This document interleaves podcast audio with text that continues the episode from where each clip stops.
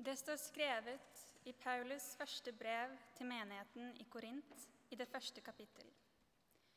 For ordet om korset er dårskap for dem som går fortapt, men for oss som blir frelst, er det Guds kraft. Det står jo skrevet:" Jeg vil ødelegge de vises visdom, og de klokes klokskap vil jeg gjøre til intet. Hvor er da de vise? Hvor er de skriftlærde? Hvor er denne verdens kloke hoder? Har ikke Gud vist at verdens visdom er dårskap? For da verden ikke brukte visdommen til å kjenne Gud i hans visdom, besluttet Gud å frelse dem som tror, ved den dårskapen som vi forkynner. For jøder spør etter tegn, og grekere søker visdom. Men vi forkynner en korsfestet Kristus. Han er en snublestein for jøder og dårskap for hedninger. Men for dem som er kalt, både jøder og grekere, er Kristus Guds kraft og Guds visdom. For Guds dårskap er visere enn menneskene, og Guds svakhet er sterkere enn menneskene. Slik lyder det hellige evangelium.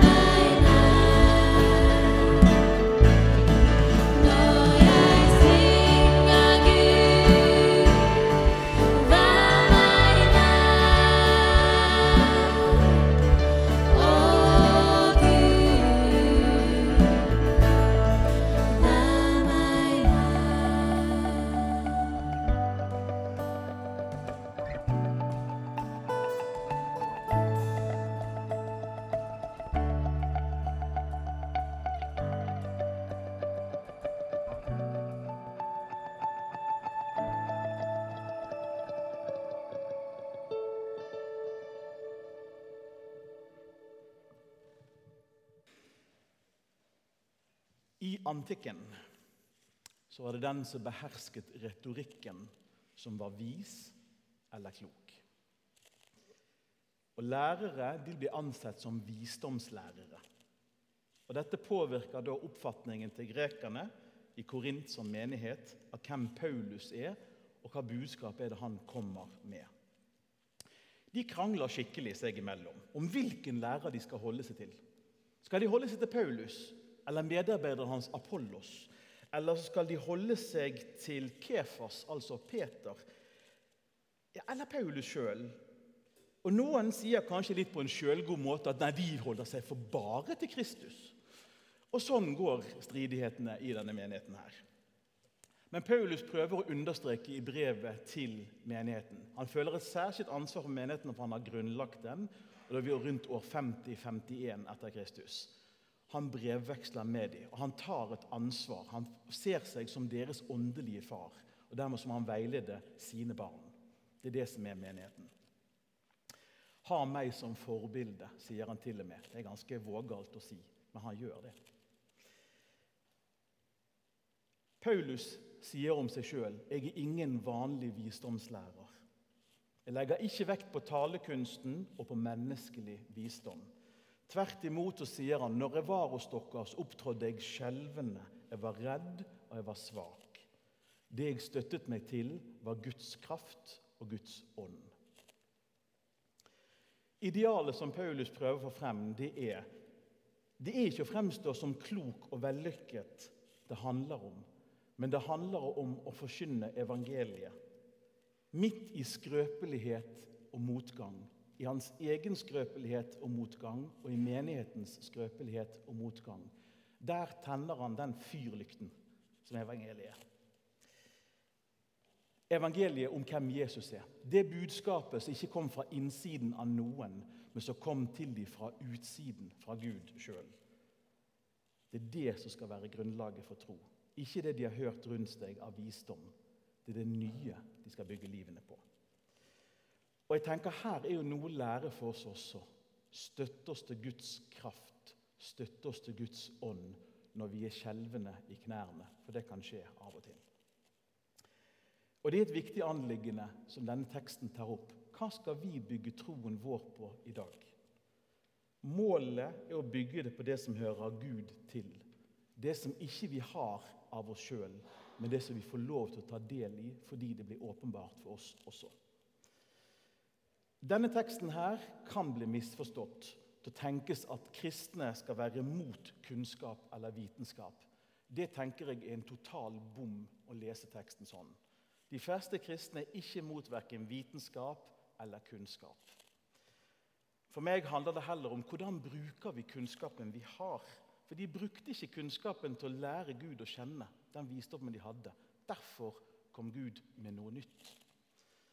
Det handler om å ikke være sjølklok og ha en åpenhet for at det finnes noe mer enn det vi kan se med det blotte øyet. Det er det Paulus prøver å interessere dem for. Og det er ikke sånn hvis vi går i dag. Det er ikke sånn at den som er mest veltalende, er den som har rett og har skjønt alt. Det er ikke sånn at den som kan klare å sette meg som kristen fast, rent retorisk, ved kløktig tale, ved å tegne opp en tenkt motsetning mellom vitenskap og tro, at den personen nødvendigvis har rett, selv om vedkommende er dyktigere til å snakke for seg enn jeg er. Det er ikke alltid sånn at den som snakker best, har rett. Det å være vellykket det er faktisk ikke et kristent mål i det hele tatt. Og Paulus prøver å si det. Jeg opptrådde svak og skjelvende hos dere. Jeg støttet meg til Guds kraft og Guds ånd. Det handler faktisk heller ikke om min evne eller din evne til å overbevise andre. Det handler om å bli gitt innsikt i noe som er ukjent. Når Paulus holder frem motsetningen da, mellom menneskelig visdom, talekunsten og visdomslærere, så er det for å gi del i en hemmelighet han kommer med. Hemmeligheten som er Guds egen hemmelighet. Og hemmeligheten er den korsfestede Kristus. Det er det store mysteriet han kommer med. Skal man forstå Gud, så er man nødt til å dvele ved den korsfestede Kristus hele livet. Det er der det ligger. Bare Jesus er grunnvoll for troen, ingenting annet. Og Denne visdommen har til nå vært skjult, men den har blitt åpenbart for apostlene. Og altså, Paulus var den apostelen som skulle ta denne visdommen til alle hedningene. Det var hans oppdrag. Nå kommer han med noe nytt. Det verden ikke hadde sett og hørt, det brakte han nå. Og Denne visdommen den må deles. Den er ikke automatisk tilgjengelig. Den fremstår da altså som dårskap, som står her, uten åpenbaring. Ordet dårskap det er altså moria. Det kan også bety idioti eller vanvidd. Da hører vi litt sånn, Det er helt idiotisk, det vi kommer med her. At Gud blir menneske. At Gud lar seg korsfeste. At Gud i det hele tatt må lide og dø, gir i seg sjøl ikke mening. Det er ikke selvsagt noe av det. Ja, Tanken i dag at i det hele tatt finnes en Gud, det gir ikke mening for veldig mange mennesker. Spesielt i Vesten, der vi hører til. Det er det vanligste å ha standpunktet 'Gud fins ikke'. Hemmeligheten om korset må fremdeles deles. Den er ikke selvinnlysende. Jeg som kristen jeg kan faktisk ikke forvente, verken i Norge eller ellers i Europa, at omverdenen skal forstå eller godta kristendom som fornuftig eller selvforklarende. For kristendommen er ikke nødvendigvis verken fornuftig eller selvforklarende. Paulus sier sjøl den er idioti. Det er vanvidd. Det er dårskap, det vi kommer med. Vi kan heller ikke forvente at folk rundt oss skal ha et forhold til ord som synd, som betyr å bomme på målet. Et mål omverdenen ikke kjenner. Eller ordet frelse, at det skal gi mening, som betyr å gi fri hals og bli sluppet fri. Disse ordene her kan være helt intetsigende for svært mange mennesker i Norge. Og enda mer i mange land i Europa. Eller at det skal gi mening at tro i vår religion er nok, og at man ikke skal gjøre seg fortjent til himmelen. Overhodet ikke selvsagt. Ingenting av dette her er selvinnlysende. Eller at den latterlige og ydmykede og nakne Jesus på korset, at det skal være Guden fremfor alle å tro på, gir overhodet ingen mening. Det er idioti, alt sammen. Dette er sånn som Paulus banker inn, poeng for poeng. Det er dårskap, det dårskap, det dårskap. Og allikevel er det det vi forkynner. Det fremstår som idioti i våre dager også. Hva må skje for at det skal endre seg fra å være idioti til å gi mening? Jo, akkurat det samme som den gang. Gud må tre inn i bakvendtbildet og forklare det for oss for at det skal gi mening. Derfor har vi fått Bibelen som åpenbaring, så vi kan lese og se. Og Gud bruker sitt eget ord til å skape noe nytt i oss. Det er et skaperord. Det må skje i dag også, det som skjedde den gang. Matteus 11 så sier Jesus, 'Jeg priser deg, Far, himmelens og jordens Herre, fordi du har skjult dette for vise og forstandige, men åpenbart det for umyndige små.' De små barn og ikke de kloke hodene blir idealet for troen i kristen sammenheng. For barn er gode til å ta imot, og de er sjelden sjølkloke. Dette er nok en variant av de første skal bli de siste, og de siste skal bli de første. Hele greien snus på hodet. Det er ikke selvsagt hvem skal være først og sist. Hvis vi går til grekerne Jeg kan ikke gå inn i alt, ikke kan jeg alt, og ikke har tid til alt heller. Men noe av problemet for grekerne når man presenterer en korsfestet Gud, hva er det? Da må vi gå litt til noen sånne grunntanker hos grekerne. Det er menneskers lodd i livet å dø. Og Når man dør, så drar sjelen, forlater kroppen og drar til underverden Hades. En skyggetilværelse. Du er egentlig litt død der òg, for følelser og sånn forsvinner. Men sjelen eksisterer fremdeles. Andre filosofer de mente nei, det kanskje var sånn at sjelen ville befris fra kroppen, og at den hadde en slags selvstendig bevissthet, sjelen, uavhengig av kropp. Og at den kunne stige opp til gudene, og så kunne han reinkarneres, altså bli reikledd kjøtt i andre kropper. Platon var ikke begeistra for kroppen i det hele tatt. Det var sjelen og fornuften og ånden som var greien. Kroppen det var noe motbydelige greier. Fysj. Så De greske gudene de var jo ikke dødelige. De var udødelige. Udødelighet er knyttet til en udødelig kropp og til kroppens bevaring. For uten å bevare kroppen er du ikke udødelig. Så en Gud som dør, som korsfestes, som er død i tre dager, er veldig vanskelig å forstå. Det er helt ubegripelig. Det er idioti. Og at enkelte personer For de har en myter som handler om at personer etter sin død kan bli hentet av gudene. Det hadde de tradisjon for, men da skjedde det gjerne rett etter du var død. Så kroppen blir ikke skadet på noen måte. For gudene selv den gangen kunne ikke reparere en ødelagt kropp. Så altså, Før dødskreftene setter inn, så blir de hentet opp til gudene. Det hadde de tradisjon for og myter om, men om de trodde på de helt, er omdiskutert. På den måten kan vi kanskje tenke at de reagerte ikke på Jesus sin oppstandelse, bare han, hvis det var bare han. Men Paulus forkynner jo noe mer. Han forkynner en allmenn oppstandelse fra de døde. Alle skal stå opp. Og da begynner det greske hodet å krasje. Fordi hvis kroppen var råtnet eller brent eller spist av dyr, så har ikke sjelen en kropp å vende tilbake igjen til. Den kan ikke gjenforenes med det. Dette går ikke opp. Det gir ikke mening. Og Noen av disse tankene lever i beste velgående i dag. Hvorfor er det mange, også blant kristne, som er redd for å bli kremert? Det er fordi man tror det handler om den samme kroppen. Men det gjør ikke det. Noen omtolket i menigheten Korint derfor det sånn. Nei, nei, nei, Jesus sto ikke egentlig legemlig opp. Det var en åndelig oppstandelse. Sånn kunne de unngå hele greien. Eh, og så avviste de generell oppstandelse, for da, var det trygt. Da var det sånn som de kjente det. Men så kommer Paulus da og sier at nei, nei, nei, nei, nei. hvis Kristus ikke har stått opp fra de døde, så er troen deres helt meningsløs. Hvis vårt håp bare gjelder Kristus i dette livet, så er vi de ynkeligste av alle mennesker som fins. Det er helt nødvendig at Kristus står opp. Og står Kristus opp, så er han den første av de oppstandende, og de andre skal følge etter. Jo, jo, for da er vi de jødiske. Jødene har tanken om en kroppslig oppstandelse. Og Paulus er romer etter sin far og fullstendig jøde etter sin mor. Og han er fullt opplært som fariseer. Dette kan han på rams. Paulus løser litt problemet for de greske. For det han sier er at Kroppen som står opp i himmelen, det er en ny kropp. Det er en åndelig kropp.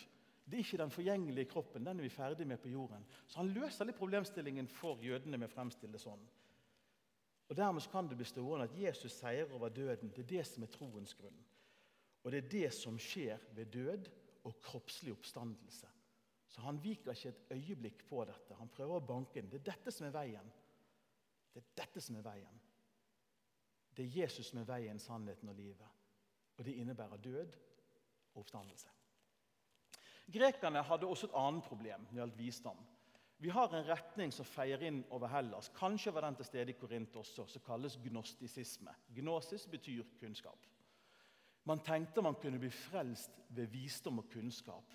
Og Da tenkte man òg at frelsen handlet om at sjelen ble satt fri fra kroppslig og materie og dro til Gud.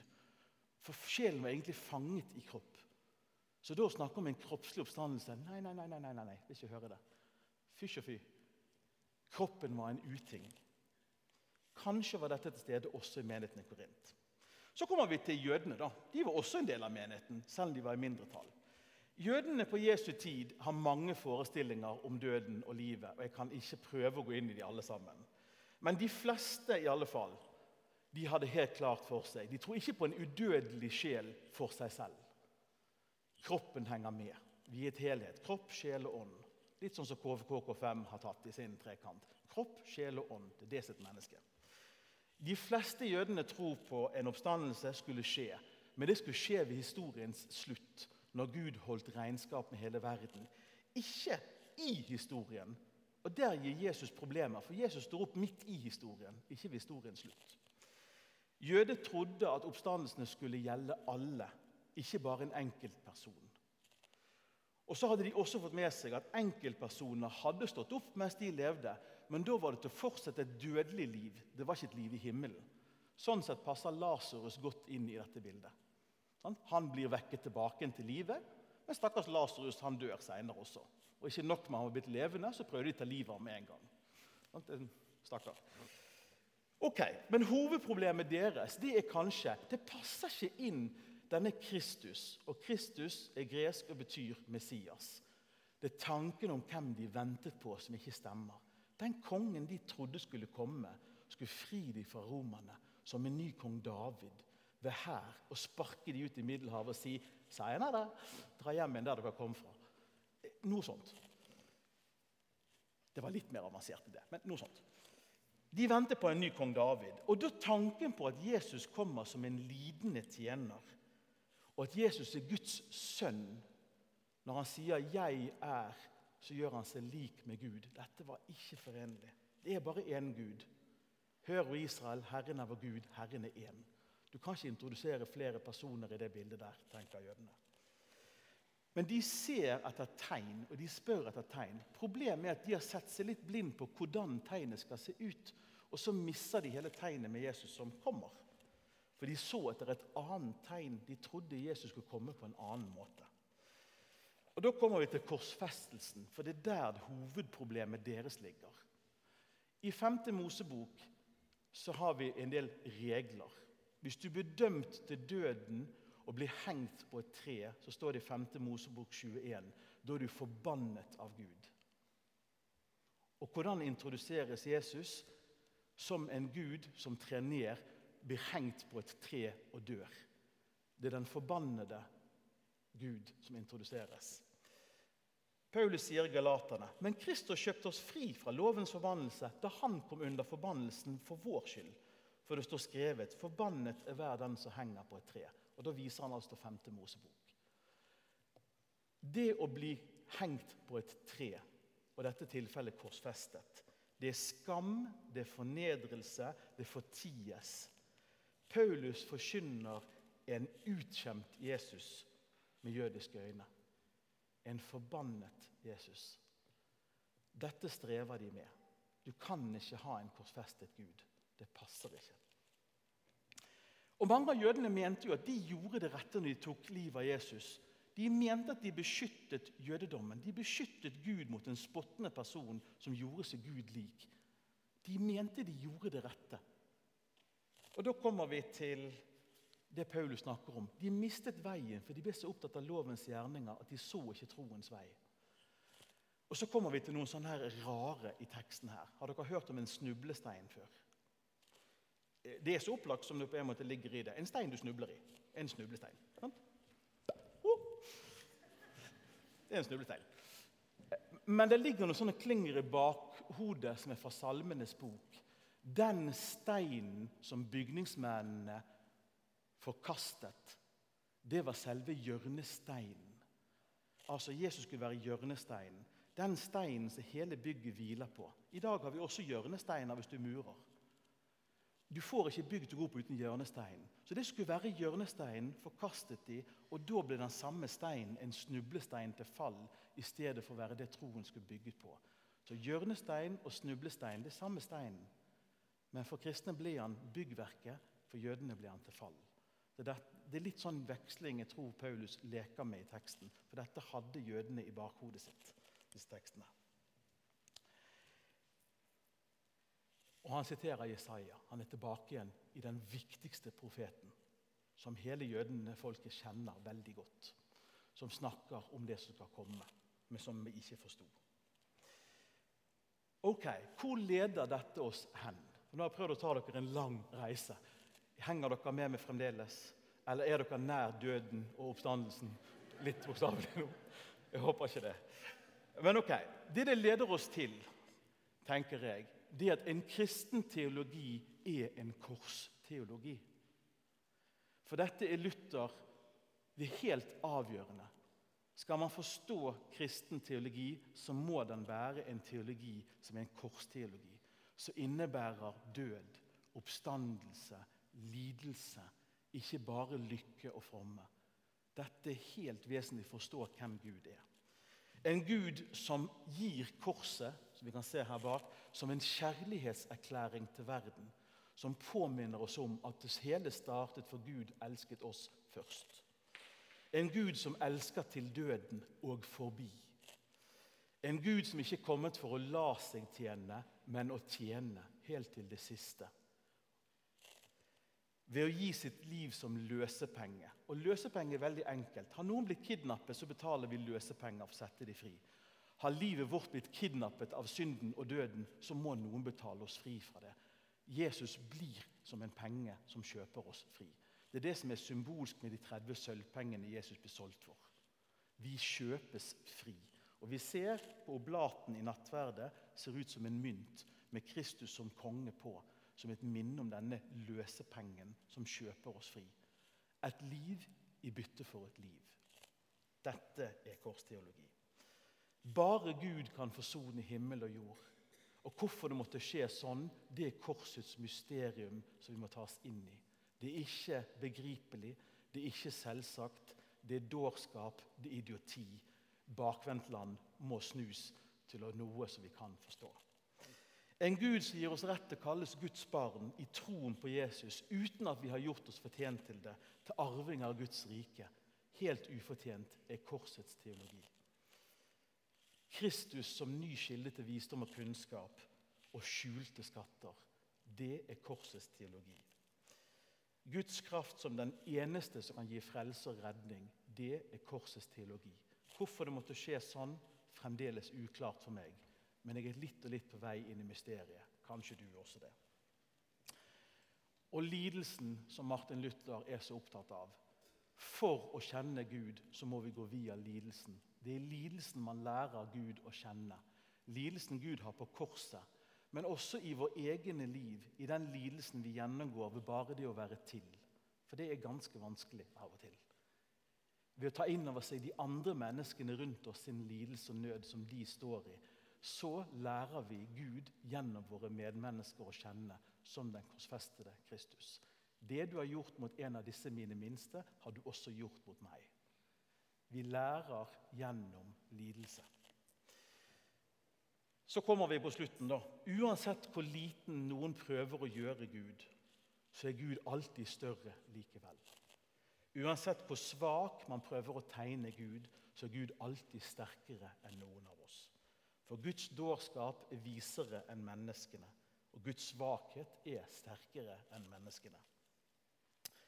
Gud er alltid mye mer enn vi noen gang forstår. Og likevel er Gud nær oss akkurat